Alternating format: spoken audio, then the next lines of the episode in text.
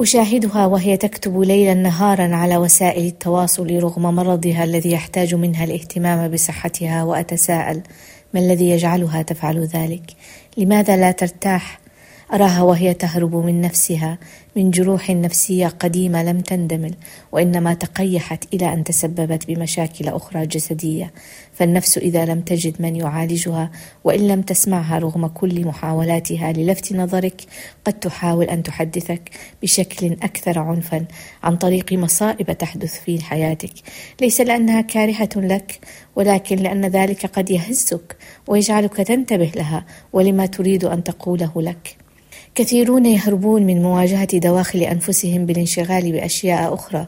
يظنون أنها مفيدة لهم أو لغيرهم ولكنها في الحقيقة مؤذية وتسبب لهم بحالة هوس وإدمان. لا أتحدث هنا عن المخدرات مثلا ولكن عن أشياء لها نفس تأثير المخدرات مثل إدمان وسائل التواصل متابعة الأخبار السياسية بشراهة مثلا أو إدمان مشاهدة المسلسلات الكورية والتركية.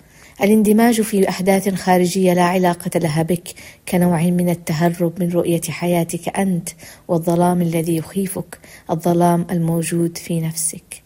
هذا الخوف هناك من يعيشه لسنوات طويلة رغم أن حياته تتدهور كل يوم ولكنه يلقي اللوم على كل ما هو خارج نفسه ولا يستطيع أن يرى السبب الحقيقي وتستمر أحداث العالم الخارجي في أن تكون محور حياته.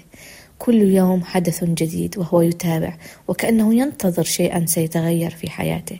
يراقب هذا وذاك إلى أن يأتي أخيرا اليوم الذي ينتبه فيه بأن العمر مضى وهو مشغول عن نفسه معتقدا أنه كان على الطريق الصحيح. بينما في الحقيقة كل ما كان يفعله هو الهروب الهروب فقط. لذلك إن لاحظت بأنك طوال الوقت مشغول بأشياء ليست لها علاقة بك انتبه راقب انظر لنفسك. وكأنك أنت أهم محدث سياسي. أنت أهم مسلسل. راقب ما هي أحداث حياتك؟ ما هي نوع الدراما؟ ولماذا وصلت لهذا الحال؟ وما الذي يحتاج منك لأن تعالجه؟ وما الماضي الذي يحتاج لأن تواجهه؟ وربما تعقد مع هذا الماضي. اتفاقية سلام. هنا فقط تكون قد فعلت أفضل عمل خيري لك ولكل البشرية. فقد أنقذت روحا كانت تتألم.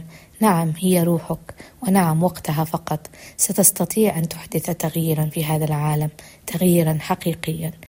هند الإرياني.